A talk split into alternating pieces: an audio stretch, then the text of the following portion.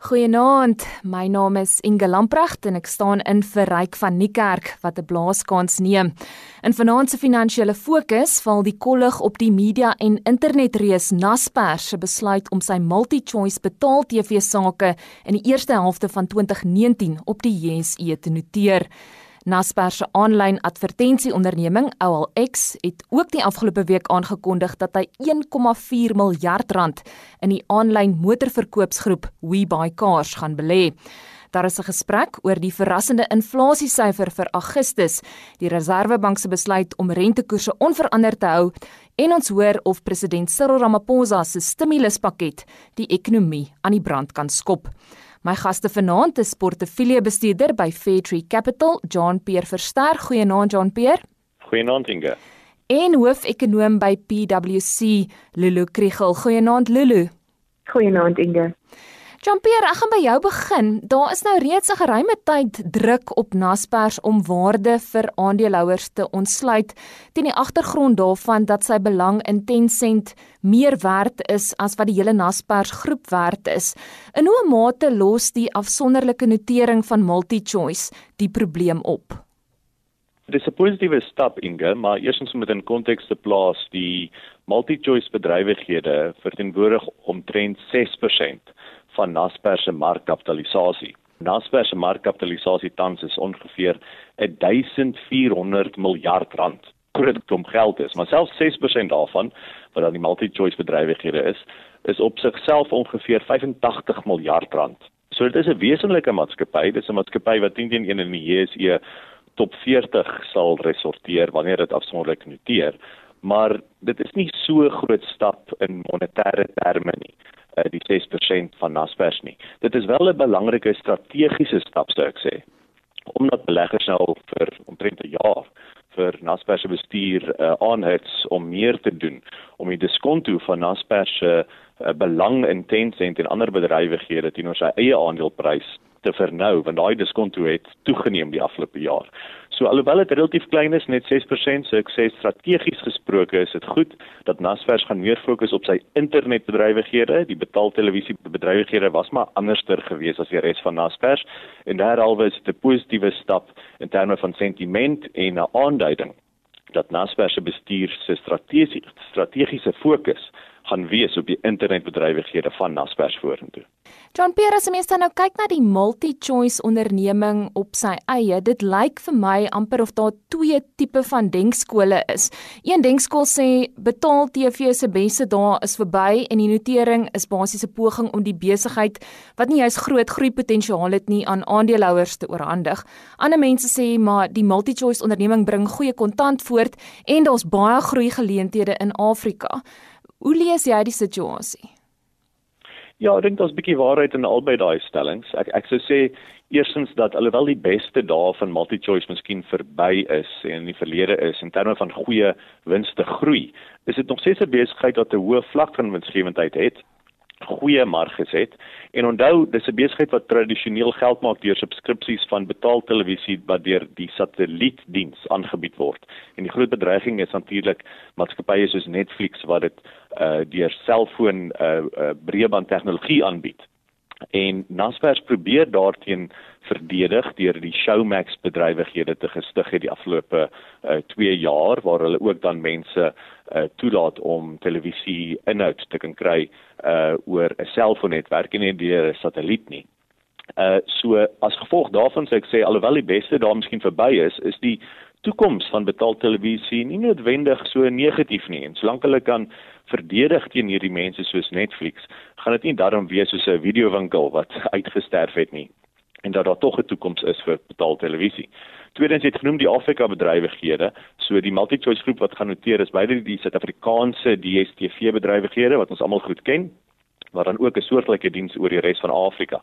En daai bedrywighede het die afgelope 2 jaar verliese gemaak. Soos wat Afrika lande se geldeenhede onderdruk was en daar uh, het was die subskripsies van die betaaltelevisie in die plaaslike eenheid gewees, maar die uh, betaling vir die betaal betaaltelevisie inhoud was in dollars gewees en dit het 'n enorme druk gesit op die winsgewendheid van MultiChoice Afrika. Daai druk is besig om te versag. So dit beteken dat die verwagting is dat die Afrika bedrywighede van MultiChoice wel terug sal gaan na 'n winsgewende uh uh vlak van prestasie en vorentoe gaan dit beteken dat MultiChoice in totaal beide Suid-Afrika en die res van Afrika tesame baie goeie winstegroei behoort te toon en baie goeie kontante genereer wat dit 'n goeie aandeel potensieel kan maak op sy eie meriete.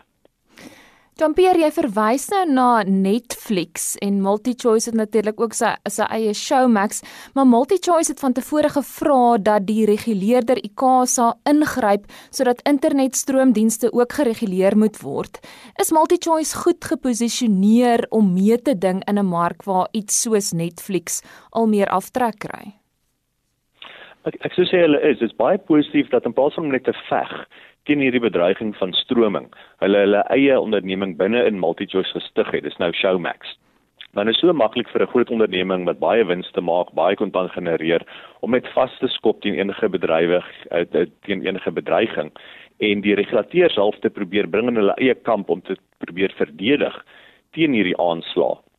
Maar Naspers het wel gesê hulle moet hulle self ontwrig. Hulle moet Showmax binne hulle self stig en half teen hulle self kompeteer. En ek sou sê dit wys vir aandeelhouers ook dat uh, Naspers neem die bedreiging van Netflix baie ernstig op.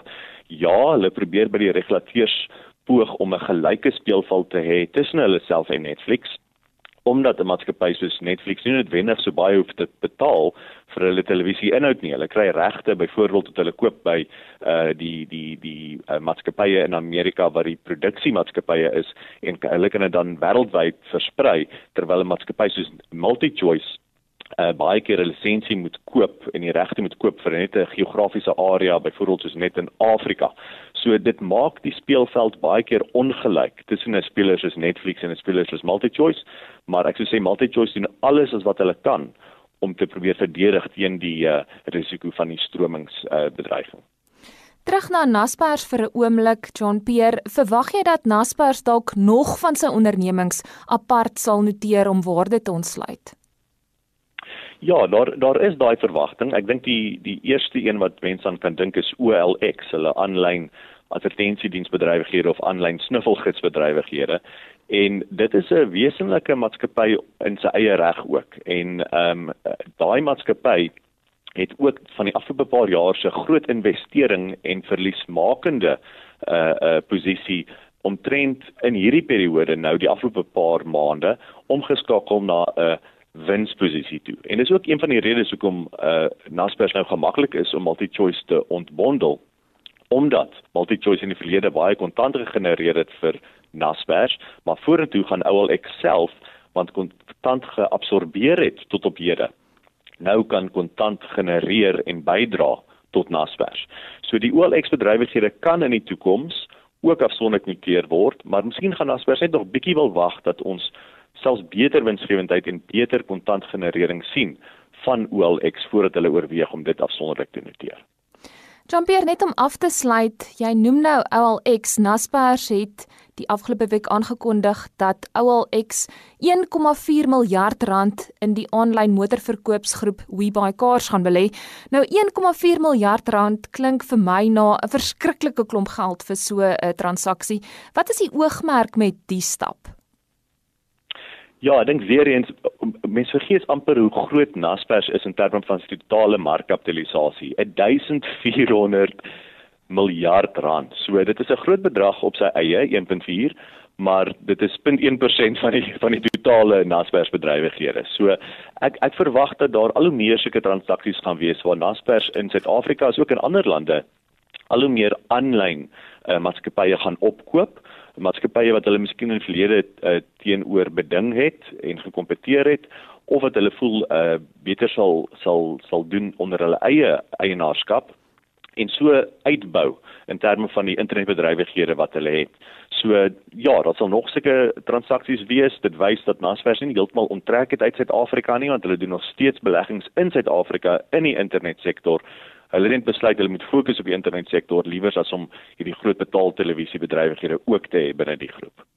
Baie dankie John Pierre, dit was portefeuljebestuurder by Fairtree Capital, John Pierre Verster. Ons verskuif nou die gesprek van maatskappy nuus na ekonomiese front. Lulu, Woensdag se inflasiesyfer van 4,9% vir Augustus was ietwat minder as wat die mark verwag het. Ek dink die verwagting was hier rondom 5,2%. Wat was die rede vir die verrassende verlangsaming? Ja, Inge, jy is heeltemal reg. Ons almal het verwag dat die inflasiekoers sy opwaartse neiging gaan voortsit. Die syfers wat ons gesien het in Julie of vir Julie inflasie het deur die 5% koers gebreek en nou is ons weer terug onder 5%.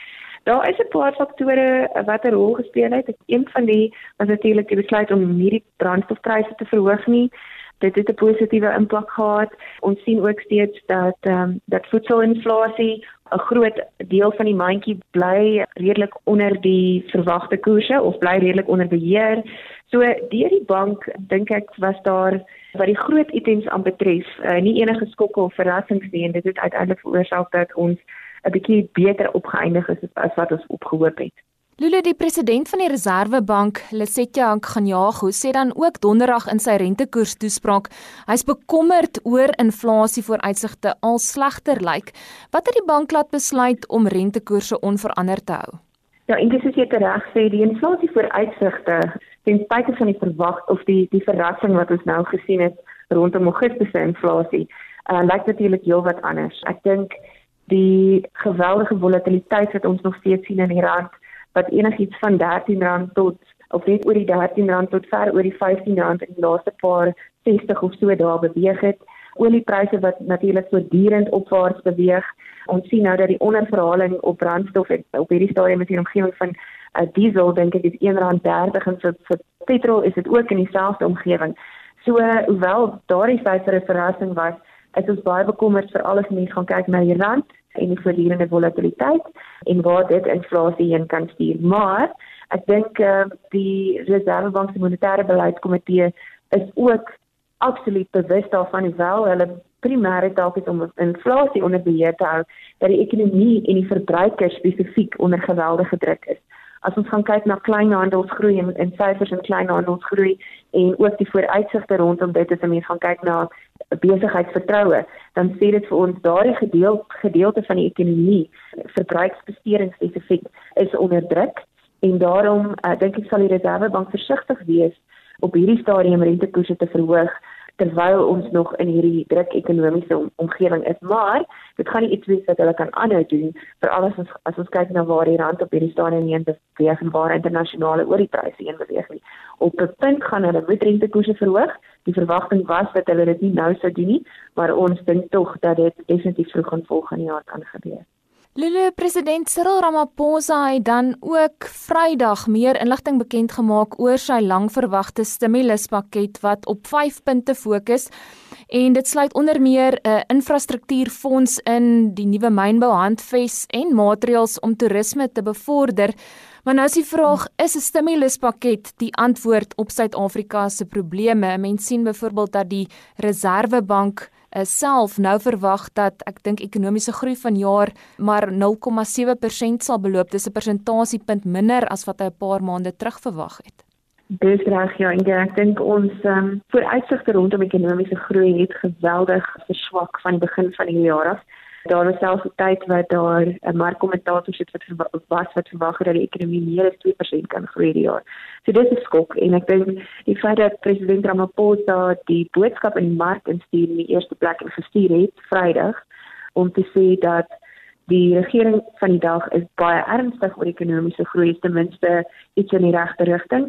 Die aankondigings rondom die mynbouhandves en die beleidssekerheid is geweldig belangrik. Ek dink dat die meeste beleggers op hierdie stadium en ook uh, besighede in Suid-Afrika se grootste probleem is die onsekerheid rondom beleidsbesluite en duidelikheid rondom sekere beleidsbewegings soos die mynbouhandves. So ek dink dit is die regte rigting in terme van sektore ook die fokus op toerisme, die fokus op landbou, is alle sektore wat hoë hoeveelhede van werkers kan absorbeer. Dit is arbeidsintensiewe areas in die ekonomie, so dit is belangrik. Maar die een ding dink ek wat vir my so 'n bietjie miskien nie genoeg aandag gekry het nie, is die feit dat daar 'n verskil is tussen die sektore wat op hierdie stadium die werksgeleenthede kan dryf teenoor dit wat die ekonomie laat groei en dit het ons uh, die laaste paar jaar baie duidelik gesien. So daar moet baie definitief en ek sou graag wou sien dat daar baie definitief fokus op beide van hierdie was en of is en ek ek het dit ongelukkig nie baie duidelik genoeg gesien nie. Lulu net om af te sluit, dit voel nie of Suid-Afrika 'n gebrek aan planne het nie. Dis basies die resultate wat ontbreek. As 'n mens bietjie terugdink, voormalige president Jacob Zuma het 'n 9-punt plan gehad. Die voormalige minister van Finansies Malusi Gigaba het 'n 14-punt plan gehad. En kyk, tog lyk dit nie of daar regtig groot skaalse verbetering is nie. Wat is werklik nodig vir 'n stimuluspakket om te kan werk? Wel, dis miskien 'n bietjie oor eenvoudig, maar as ek gaan kyk na die, die omgewing waarin al hierdie stimuluspakkette aangekondig is en ook die die een wat Vrydag aangekondig is deur president Ramaphosa, is daar een ding wat vir my soos 'n paal bo water duidelik is en uitstaan in al hierdie omstandighede. En dit wat ons hierdie pakkette gehad, ons hierdie planne gehad, maar daar's twee goed wat ontbreek. Die eerste is beleidssekerheid en die tweede is om werklik hierdie pakkette uit te rol en mense verantwoordelik te hou vir die uitrol daarvan. Baie van hierdie komponente is nog steeds baie vaag.